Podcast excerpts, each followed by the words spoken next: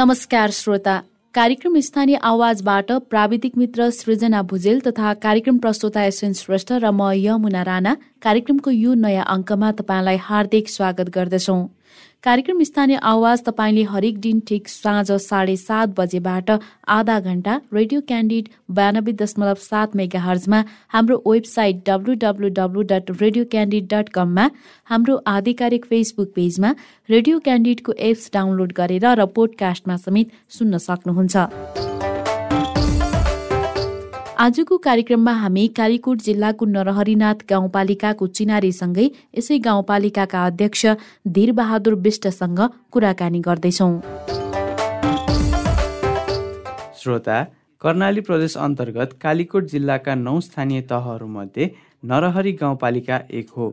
देश सङ्घीय संरचनामा जाँदा विक्रम सम्बत दुई हजार त्रिहत्तर सालमा साबिकका कुमाल गाउँ कोटवाडा रूप्चा मालकोट र लालु गाउँ विकास समितिलाई समायोजन गरी नरहरिनाथ गाउँपालिका बनाइएको हो। नरहरिनाथ गाउँपालिकाको कुल क्षेत्रफल एक सय त्रिचालिस दशमलव आठ तिन वर्ग किलोमिटर रहेको छ। यस गाउँपालिकामा जम्मा नौवटा वडा कायम गरिएको छ। गाउँपालिकाको नामाकरण राष्ट्रगुरु योगी नरहरिनाथको नामबाट राखिएको हो। नेपालको पहाडी तर प्राकृतिक सुन्दरताले भरिपूर्ण जिल्ला कालीकोटमा पर्ने यस गाउँपालिका प्राकृतिक रूपमा जति सुन्दर छ त्यहाँको भौगोलिक अवस्था भने त्यति सहज छैन। अभावको पर्यायवाची रूपमा चिनिँदै आएको कालीकोट जिल्लाको यस स्थानीय तहमा सडक सञ्जालको विस्तारसँगै केही सहज भने पक्कै भएको छ। गाउँपालिकामा प्राकृतिक पर्यटन त्यहाँको संस्कृति जल जमिन अनि जडीबुटीमा यथेष्ट बजेटसहित दीर्घकालीन योजना अनुरूप कार्य गर्ने हो भने यस स्थानीय तह सम्पन्न र सुन्दर हुन धेरै समय कुर्नुपर्ने देखिँदैन। यस पालिकाका स्थानीयले बाढी पहिरो जस्ता प्राकृतिक प्रकोपबाट क्षति पनि भोग्ने गरेका छन्। आज हामीले यसै गाउँपालिकाका अध्यक्ष धीरबहादुर विष्टलाई पाँच वर्ष कार्यकाल सकिँदै गर्दा यस स्थानीय तहले पाएका उपलब्धि के के छन् भनेर सोधेका छौँ। हामी दुई हजार चौहत्तर सालमा स्थानीय तहको निर्वाचन भइसकेपछि हाम्रो पाँच वर्षको कार्यकाल अत्यन्तै सुखद रह्यो। र के मानेमा सुखद रह्यो भन्दाखेरि काम गराएको तौर तरिकामा हामीलाई दुःख भए पनि हामीलाई सम्पूर्ण राजनीतिक दल जनताबाट विकास निकासमा सपोर्ट भएको कारणले गर्दा अत्यन्तै सुख रहेको छ। हामीले महत्त्वपूर्ण उपलब्धि भनेको हाम्रो गाउँपालिका रोडबाट रोडको पहुँचबाट धेरै टाढा थियो। जहाँ हाम्रो गाउँपालिकामा पुग्न रोड कम्तीमा सदरमुकामसम्म गाउँपालिकाको पुग्न बाइस किलोमिटर थियो। त्यहाँ सदरमुकामसम्म रोड पनि पुगायौँ। त्यसपछि त्योभन्दा अगाडि गाउँहरूमा पनि रोड पुग्दैछ र प्रत्येक वडा वडामा रोड जाने क्रम जारी रहेको छ। सबभन्दा जनता त्यसप्रति एकदमै खुसी छन्। त्यसपछि एक घर एक धारो। हाम्रो गाउँपालिकामा चार हजार तिन सय बयानब्बे घरधुरी छन्। त्यसमध्ये अहिले हामीले तिन हजार घरधुरीमा एक घर एक धारो निर्माण गरेका छौँ। र कतिपय सार्वजनिक धाराहरू पनि छन् कतिपय पुराना पुर्खा पुराना पुर्खाका धाराहरू पनि भएको कारणले गर्दा कतिपय ठाउँमा आवश्यक पनि भएन र त्यो पनि सुखद रहेको छ। शैक्षिक क्षेत्रमा पनि हामीले राम्रो प्रगति गरेका छौँ। राष्ट्रकै पाँचौँ स्थानमा नरनाथ गाउँपालिका आएको हो। यो गाउँपालिकामा हामीले अनिवार्य तथा आधारभूत शिक्षा पनि घोषणा गरेका छौँ। र प्रत्येक शिक्षकलाई नियमितदेखि लिएर क्लासमा विद्यार्थीहरूलाई व्यवस्थित गरेर राख्ने पनि हामीले र भवन नभएको विद्यालयमा भवन निर्माण गर्ने काम पनि हाम्रो भएको छ। र कर्णाली करिडोरमा ठुलो एउटा पुल थियो जहाँ चौध पन्ध्र वर्षदेखि पहिला लापत्तै भएको थियो। हाम्रो कार्यकाल आइसकेपछि त्यसलाई पनि हामीले नितान्तै घच गच्याएर ठेगादारलाई मैदानमै लिएर अनि त्यो पुल पनि कर्णाली करिडोरको सफल भएको छ। कर्णालीका हुम्ला हिल्सासम्म जाने बाटो हो। र जहाँ हाम्रो कालीकोट बाजुरा त्यसपछि गएर हुम्ला डोल्पा जाने बाटो हो त्यो पनि पुल हामीले सफल गरेका छौँ। अर्को कुरा हामीसँग एउटा एयरपोर्ट थियो जहाँ उन्तिस वर्षसम्म लथालिङ्ग रहेको थियो। त्यो एयरपोर्टमा पनि ठेक्का गरेर त्यसपछि ठेकेदारले समयमा लिएर यो आर्थिक वर्षको लास्ट लास्टतिर त्यो कालो पथ्य अब सुरु भएको छ र यो प्लेन उड्ने काम पनि तयार भएको छ। यसप्रति हाम्रा ठुला ठुला योजनाहरू भएका छन्। त्यसप्रति हामी अत्यन्तै सन्तोष जनाउँछौँ। र हाम्रो बिचमा एउटा कर्णाली नदी छ जहाँ कर्णाली पारी खानाचक र नगरपालिका वारी नरहरिनाथ गाउँपालिका छ। बिचको दूरी हाम्रो करिब हेरेर आउँदा हाम्रो पैँतिस किलोमिटर जति दूरी छ। अहिले त्यो बिचमा हामीले केबुल कारको सर्वे गराएर केबुल कार लाग्ने तयारी हुँदैछ त्यहाँ। र त्यो करिब पारीबाट वारी आउन हामीलाई पन्ध्र दस पन्ध्र मिनटमा वारिपारी हुने कार हुँदैछ। र त्यो केबुल कार विश्वकै तेस्रो नमुनाकै रूपमा निर्माणको लागि हामी एकदमै तयारी गरेका छौँ र यसले गर्दा हामी अत्यन्तै चाहिँ छ र शिक्षा स्वास्थ्यतिर पनि हाम्रो एकदमै पहिला चार पाँचवटा मात्रै स्वास्थ्य एकाइ थिए अहिले तेह्रवटा स्वास्थ्य एकाइ पुगेका छन् हाम्रा यसले गर्दा हामी अत्यन्तै सुखद नै छौँ भनौँ स्वास्थ्य र शिक्षामा चाहिँ शिक्षाको कुरा गर्दाखेरि चाहिँ जनशक्तिको अभाव चाहिँ देशभरिकै स्वास्थ्य संस्थाहरूमा र शैक्षिक संस्थाहरूमा हुने गरेको छ। यहाँको पालिकामा जनशक्तिको कस्तो छ व्यवस्था?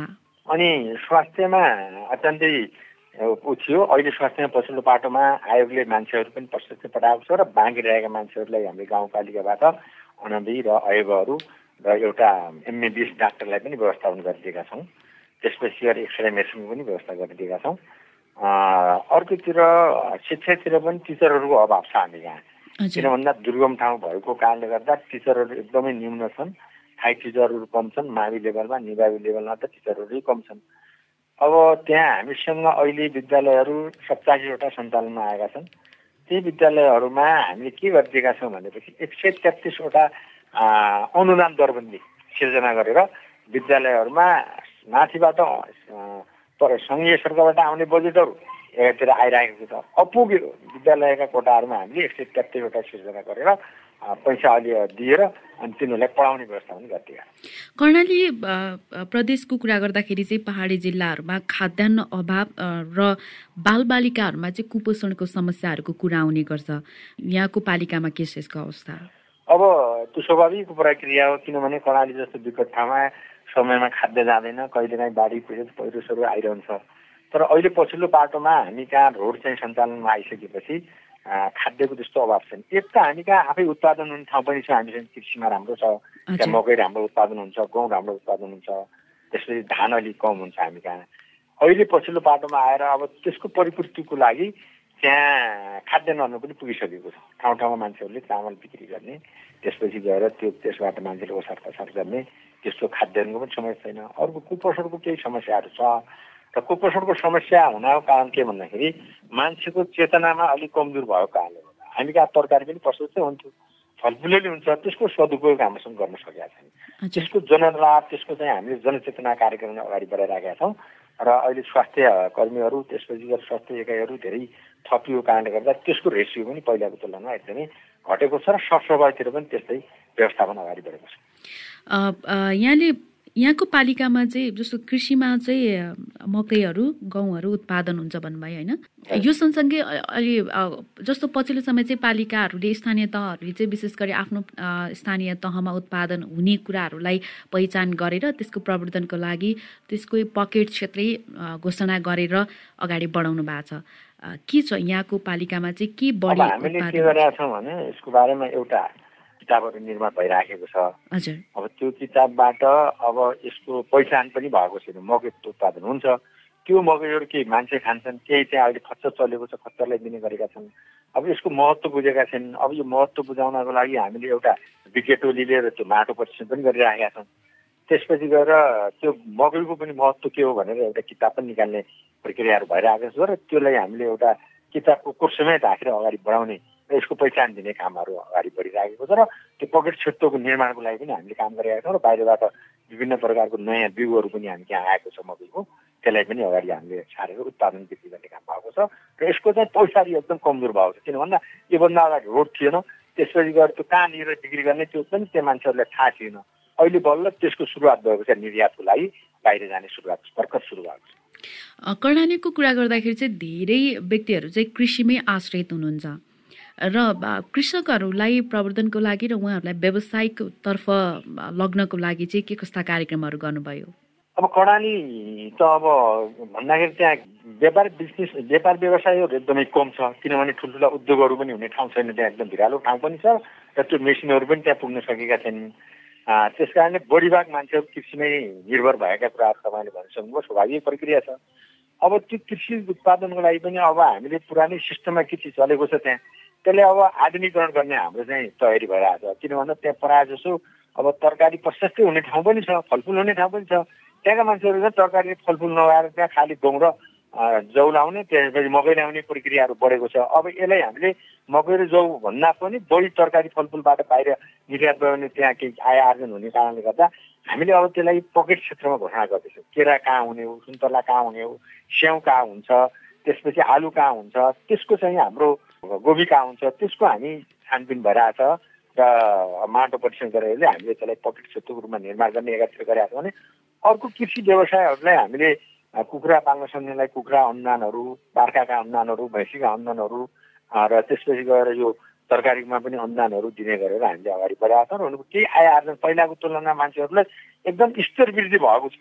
पहिलाको लुवाई खुवाई हिँडाइ डुलाइ भन्दा पनि खानेकुरादेखि लिएर पर्नेदेखि लिएर सबै कुराको चाहिँ स्तर वृद्धि भएको छ र अझै स्तर वृद्धि गर्नको लागि हामी लागि परेका छौँ। युवा लक्षित कार्यक्रमहरू चाहिँ के के छन्? अब त्यहाँ युवाहरूको लक्षित कार्यक्रम छ। त्यो ठाउँका मान्छेहरू प्रायः जसो के हुन्थ्यो भने विदेश अरू देशमा जानुभन्दा पनि इन्डियातिर जाने बढी प्रभाव थियो। अब त्यसलाई पनि रोक्ने कामहरू। युवाहरूलाई विदेशबाट आए गएर आएका युवाहरूलाई पनि त्यहाँ खेती किसानको लागि तरकारी लगाउने पनि व्यवस्थापन गरेका छौँ। तिनीहरूलाई केही चराचुरुङ्गी पाल्ने कुराहरूमा त्यसपछि भैँसी पशुपालनतिर पनि हामीले लगाउने कामहरू भएको छ र केही कृषितिर पनि लगानी गर्ने काम गरेर हामीले अनुदान दिएर कामतिर लगाउने काम हामी अगाडि बढेका छौँ। विद्युत र सञ्चारको सुविधा चाहिँ कस्तो छ? अब विद्युत सञ्चारकोमा त्यस्तो भन्दाखेरि पहिला हामी कहाँ एकदमै चिठी लेखेर रविबार लगाएर त्यस्तो गरेर हाम्रो चाहिँ चलन थियो जो समाचार पठाउने। अहिले हामीले त्यहाँ टावरको व्यवस्थापन गरिसकेपछि प्रत्येक मान्छेको घर घरमा मोबाइलको व्यवस्था भएको छ। त्यहाँ टावरको व्यवस्थाले गर्दा मोबाइल ठाउँ ठाउँमा चलिरहेको छ। त्यसपछि त्यहाँ एउटा रेडियो पनि स्थापना सुनथराली रेडियो भन्ने स्थापना गरेका छौँ। त्यसले पनि जनताका अधिकारहरू र जनताले राष्ट्रिय स्तरमा सुसञ्जित जो समाचारहरू प्राप्त गर्नुपर्ने हो त्यो अधिकारबाट वञ्चित छैन। त्यसलाई पनि हामीले गरेका छौँ। अर्कोतिर नेट पनि हामीले ठाउँ ठाउँमा राखेका छौँ सार्वजनिक ठाउँमा ठुल्ठुला विद्यालयहरूमा स्वास्थ्य चौकीहरूमा त्यसपछि गएर ओडाहरूमा गाउँपालिकामा छ। थोरै अलिकति नेटको पहुँच अब सहर बजारमा जस्तो लगातार हुँदैन। चल्न त चल्छ कहिलेकाहीँ कम हुन्छ। त्यही पनि हामी सञ्चारमा पनि एकदमै अगाडि बढाइसकेका स्थानीय स्तरमा आम्दानीको स्रोत चाहिँ के छ? अनि अर्को कुरा विद्युतको कुरा तपाईँले गर्नुभएको थियो विद्युतमा के छ भन्दाखेरि हामीतिर यहाँ सानातिना खोला नालाहरू धेरै छन्। हामीले एउटा भाँचु खोला भन्ने ठाउँमा एउटा विद्युत निकाल्ने तयारी भइरहेको छ। सबै कुराहरू माथि बजेट सकेदेखि लिएर माथि क्लियर भएको छ त्यो अब त्यो ठेकाहरूलाई बाँकी छ। अर्को एउटा उत्सव खोलाबाट विद्युत निकालेर केही वडाहरूमा र केही गाउँपालिकासम्म त्यसले धानेको छ। अर्को राष्ट्रिय प्रसारण लाइन पनि अब त्यहाँ खम्बी पुगेका छन्। लाइन चाहिँ सदरमुखमा मात्रै पुगेको छ। लाइन चाहिँ वितरण गर्ने तयारी भइरहेको छ। अब एक दुई तिन महिना पनि वितरण गर्ने भनेर भनिरहेका छन्। अब त्यो पनि हामी एकदमै नजिक पुगेका छौँ। त्यसको काम पनि हाम्रो चाहिँ अगाडि गएको छ। अर्को यहाँ चाहिँ करको आय आर्जन आम्दानी अलिक कमजोर छ। किन भन्दाखेरि यहाँ कर उठाउने चिजहरू छैन हामीसँग। अब सामान्य हामीले लिने भनेको कुनै पनि चिजको अब त्यो मात्र लिन्छौँ हामी। सिफारिसको थोरै रकम लिन्छौँ। अरू त्यस्तो करै उठाउनु पर्ने त्यस्तो आय आर्जन ठुला ठुला उद्योग धन्दाहरू त्यस्तो दोकानहरू पनि एकदमै साना हुन्छन् हामी कहाँ त्यसबाट एकदमै करमा कम छौँ। त्यही पनि अनुमानित अलिअलि लिन्छौँ अनि सिमेन्ट बालु उत्खोलनको अब सुरुवात हुँदैछ। हाम्रो यहाँ फेरि कडाल नदी पनि छ अनि एउटा खोला पनि छ त्यसबाट पनि ढुङ्गा र गिटी बालुवाहरू पनि जान्छ धेरै। तर अहिलेसम्म त्यहाँ सदुपयोग नभएको यातायात नचलेको त्यो बाहिर पनि जान नसक्यो र त्यहाँका गाउँलेहरूले पनि प्रयोग गर्न नसक्यो अब बल्ल त्यो सुरुवात गरे आज ठाउँ ठाउँमा रोड पुग्न सुरुवात भयो। त्यसपछि पक्की घरहरू लागेपछि अनि त्यसबाट हामीले अनि त्यो खोला नालाको बालुवा र गिट्टी आएपछि लागि त्यही ठुलो छ अरू खासै त्यस्तो छैन। यहाँहरू निर्वाचित भएर आउँदाखेरि स्थानीय तहहरू को चाहिँ सबै कुराहरू नयाँ संरचनामा चाहिँ जाँदै हुनुहुन्थ्यो। यो चाहिँ यहाँहरूको लागि चाहिँ कतिको चुनौतीपूर्ण रह्यो अथवा सहज रह्यो के रह्यो यो? यहाँहरूको अब स्थानीय तहमा हामीले जितेर आइसकेपछि यो प्रशासन क्षेत्रमा त अत्यन्तै चुनौतीपूर्ण नै रह्यो। किन भन्दाखेरि एकातिर व्यवस्थापन भएन गाउँपालिकाहरू थिएनन् अनि एउटा अब घरमा भाडा लिएर अझै हामी भाडामा बसिराखेका छौँ त्यो ठाउँमा। अनि त्यो समस्याहरू एकातिर चुनौती रह्यो। अर्कोतिर हाम्रो दुर्गम ठाउँमा कर्मचारी। यस्तो केन्द्रबाट पठाउने प्रमुख प्रशासक अधिकृत अहिलेसम्म हामीले प्राप्त गर्न सकेका छैनौँ। अब त्यो कसैको निमित्त र सहायकहरूले त्यहाँ चलाइराखेका छन्। लेखापालहरू पनि हामीले लेखा अधिकृत प्राप्त गर्नुपर्नेमा एउटा सहलेखाले हामीले चाहिँ चलाइरहेका छौँ। अनि त्यो इन्जिनियर ओभरसियरहरू पनि त्यहाँ समयमा पुग्दैनन्। त्यसैले त्यो कर्मचारी क्षेत्रमा हामीले अत्यन्त दुःख भएको छ। त्यही पनि हामीले अहिले कर्मचारी माग गरेर एनएचएन चलाइराखेको त्यतातिर छ भने। अर्को व्यवस्थापनको पाटो पनि हाम्रो कमजोर भयो। किन भन्दाखेरि एकातिर हाम्रो गाउँघरका घरहरू पनि साना हुन्छन्। त्यहाँ कार्यालय व्यवस्थापन गर्ने ठाउँ छैन। एउटा पुरानो एउटा कार्यालय थियो हामीसँग। गाविसको कार्यालय त्यसैमा राखेका थियौँ विप्लवलाई आगो लगाएर जलाइदियो।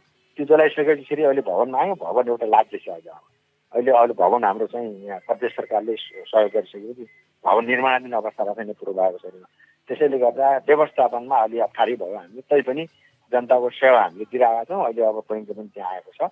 त्यसपछि गएर छ सातवटा कार्यालय स्वास्थ्य कृषि भेटनरी अनि त्यसपछि गएर यो भौतिक कार्यालयहरू आएर ठाउँ ठाउँमा राखेर काम चाहिँ चलिरहेको छ। यो अवधिमा चाहिँ केन्द्र र प्रदेश सरकारको समन्वय कस्तो रह्यो अथवा उहाँहरूको भूमिका कस्तो पाउनुभयो? केन्द्र सरकार र प्रदेश सरकारसँग हाम्रो चाहिँ समन्वय हुनुपर्नेमा केन्द्र सरकारसँग खासै त्यति राम्रो भूमिका भएन। किन भन्दाखेरि केन्द्रमा हामी खासै ठुल्ठुलो कामको मात्र लागि जाने सानो कामको लागि गएनौँ केन्द्रले पठाउने चाहिँ बजेटहरू हामी त्यहाँ पठाइदियो? सशस्त्र बजेट र त्यसपछि अरू वित्तीय समानीकरण बजेटले आफ्नो स्वतन्त्र रूपमा। अनि त्यही अनुसार हामीले तल विनियोजन गऱ्यौँ। अब हामीले मागेका ठुल्ठुला योजनाहरू पनि हालिदिएको छ केन्द्रले। त्यस कुरामा हाम्रो समन्वय भएको छ तर हुनुपर्ने जति हुन सकेन। अर्को कुरा प्रदेशसँग हाम्रो एकता नितान्तै नजिक हुनाले समन्वय भइराखेको छ। उसले पनि अब हामीले मागे अनुसारका बजेट यताउति दिने काम भएको छ। तर अर्को कुरा के भन्दाखेरि थोरै हामीले तल ऐन कानुन नियम बनाउँदाखेरि समस्याहरू आयो। केन्द्रले ऐन कानुन नियम सबै नबनाइदिएको कारणले गर्दा उसले पहिला बनाइदिएको भए प्रदेशले बनाइदिएको भए हामीले तल नियम काम बनाउन हुन्थ्यो। तर उसले नबनाएर हामीले आफै बनाएर कार्यान्वयन गर्नुपर्ने भयो। कतिपय नियम कानुनहरू हामीसँग बाजिन लाग्यो पुरानो अठाइस सालको शिक्षायन अहिलेसम्म संशोधन मात्रै गर्यो नयाँ ढङ्गले ल्याइदियो। हामी तल उही ढङ्गले शिक्षायन निर्माण गर्नुपर्ने हुन्छ त्यसपछि कार्यविधि निर्माण गर्नुपर्ने हुन्छ त्यसो स्वास्थ्य पनि पुरानै चाहिँ लागेको हुनाले अहिले असहज त भयो तर तल हामीले गरेर हामीले अहिले तत्काल चाहिँ कार्य कार्यान्वयनमा ल्याएका छौँ। र समन्वय पनि त्यति नराम्रो भएन। अहिले राम्रै भएर आएको छ। केन्द्रसँग भन्दा बढी हामीसँग अब प्रदेशसँग समन्वय बढी त्यसपछि केन्द्र हजुर हामी लगभग कार्यक्रमको अन्त्य अन्त्यतिर छौँ। जस्तो अब यहाँहरूको कार्यकाल सकिँदैछ स्थानीय तहको अर्को निर्वाचन पनि अब मिति घोषणा भइसकेको छ निर्वाचन नजिकिँदैछ। धेरै जनप्रतिनिधिहरूले फेरि पनि निर्वाचनमा जाने तयारी गरिराख्नु भएको छ। यहाँको योजना के छ? अब स्थानीय चुनाव हुँदैछ अब योभन्दा स्थानीय चुनाव भइसकेको हुनेवाला छ। अब स्थानीय चुनावमा यदि जनता तथा पार्टीले पटाए पट पट्याएर हामीलाई मैदानमा लियो भने हामी चुनाव लड्न तयार छौँ। यदि पार्टीले र जनताले पटाएन भने अब म एक्लै व्यक्ति लडेर व्यक्तिले मात्रै सम्भावना हुँदैन। तर चाहना मान्छेले काम गरिसकेपछि अझै पनि काम गर्नुपर्छ गरौँला भन्ने चाहना मान्छेमा हुन्छ। त्यो चाहना चाहिँ छ अन्तरात्मामा। यहाँहरू फेरि पनि निर्वाचित भएर आउँदाखेरि चाहिँ के चाहिँ फाइदा हुन्छ जस्तो लाग्छ यहाँलाई? अब यो हामी निर्वाचित आएर भएर आउँदा धेरै कुराको फाइदा छ। किन भन्दा योभन्दा अगाडि सबै कुरा हामीलाई नयाँ थियो नयाँ सिराबाट अगाडि बढाउनु पर्ने थियो। त्यसैले ऐन कानुन त्यसैले व्यवस्थापनदेखि लिएर कर्मचारी व्यवस्थापनदेखि लिएर सबै कुराहरू त्यसपछि गएर यसका कार्यविधि यसको निर्णय गर्ने तौर तरिकाहरू सबै नयाँ थिए। हामीले त्यो नयाँ कुराहरू त्यसपछि गएर यो बजेट खर्च गर्ने तरिकाहरू बजेट विनियोजन गर्ने तरिकाहरू सबै कुराहरू नयाँ थियो। त्यसपछि गएर हामीले भौतिक निर्माण गर्दाखेरि ठाउँ ठाउँमा रोड खन्न अवरोध हुनुपर्ने पानी ल्याउन अवरोध हुनुपर्ने सबै थियो। तर त्यो धेरै कामहरू हामीले अगाडि बढायौँ। अरू यसलाई व्यवस्थित गर्नको लागि अनि जति हामी आएर यसलाई टुङ्गोमा पुर्याउँछौँ अब नयाँ आयो भने त्यसलाई फेरि नयाँ बनाउनु उति नै समस्या हुन्छ। त्यसैले जनताले पनि के चाहँदो रहेछन् भने एकचोटि एकचोटि उहाँहरू आइदियो यसलाई पुरा काम सम्पन्न गर्नुहुन्थ्यो कि? भन्ने जनताको पनि केही चासो त हुँदो रहेछ। अब त्यही कुराहरू गर्थ्यौँ र गाउँलाई के अरे हाम्रो गाउँपालिका लगायतलाई सरकारलाई पनि केही फाइदा पनि हुन्थ्यो यस अघिको निर्वाचनमा जाँदाखेरि यहाँहरूले जनतामाझ गर्नुभएका प्रतिबद्धताहरू कति पुरा भए र आफ्नो कार्यकालप्रति कतिको सन्तुष्ट हुनुहुन्छ? अब हामीले जुन जनताको बिचमा जो बाछा गरेका थियौँ रोड ल्याइदिन्छौँ विद्युत ल्याइदिन्छौँ खानेपानी निर्माण गरिदिन्छौँ हामीलाई यो भौतिक समस्या छ त्यसपछि गएर स्कुल निर्माण गरिदिन्छौँ भनेका थियौँ ती धेरै कुराहरू हाम्रो करिब करिब पन्चानब्बे पर्सेन्ट चाहिँ सफल भएको छ र बाचा पुरा भएका छन्। अब बाँकी रहेका कुराहरू हामी सम्पन्न गर्ने र बाँकी रहेका वडाहरूमा रोड पुर्याउनु पर्ने अनि बाँकी रहेका खानेपानीहरू पुरा गर्नुपर्ने त्यही बाँकी थियो त धेरै बाचाहरू हाम्रो पुरा भएका छन्। हजुर यहाँको समयको लागि धेरै धेरै धन्यवाद अध्यक्षज्यू। धन्यवाद छ तपाईँले पनि हाम्रो कुरा सुनिदिनु भयो र जनताको प्रेरिदिनु हुने हुनाले तपाईँहरूलाई पनि धेरै धेरै धन्यवाद। आजको कार्यक्रम स्थानीय आवाजमा हामीले कालीकोट जिल्लाको नरहरिनाथ गाउँपालिकाको चिनारीसँगै यसै गाउँपालिकाका अध्यक्ष धीर बहादुर विष्टसँग कुराकानी गर्यौं कार्यक्रम सुनेपछि तपाईँलाई कुनै सुझाव दिन मन लागेको छ अथवा कुनै स्थानीय तहका प्रतिनिधिसँग कुराकानी गरिदिए हुन्थ्यो भन्ने चाहनुहुन्छ भने हामीलाई हाम्रो फेसबुक पेजमा म्यासेज गर्नुहोस् अथवा कार्यक्रमको इमेल ठेगाना radio candid ninety two point seven at Gmail dot कममा मेल गर्नुहोस्। उपयुक्त सुझावलाई हामी पक्कै ग्रहण गर्नेछौँ। कार्यक्रम सुनिदिनु भयो तपाईँलाई धन्यवाद। हवस् त भोलि फेरि भेटौँला। सृजना भुजेल एसएन श्रेष्ठ र म यमुना राणा विदा भयौँ। नमस्कार।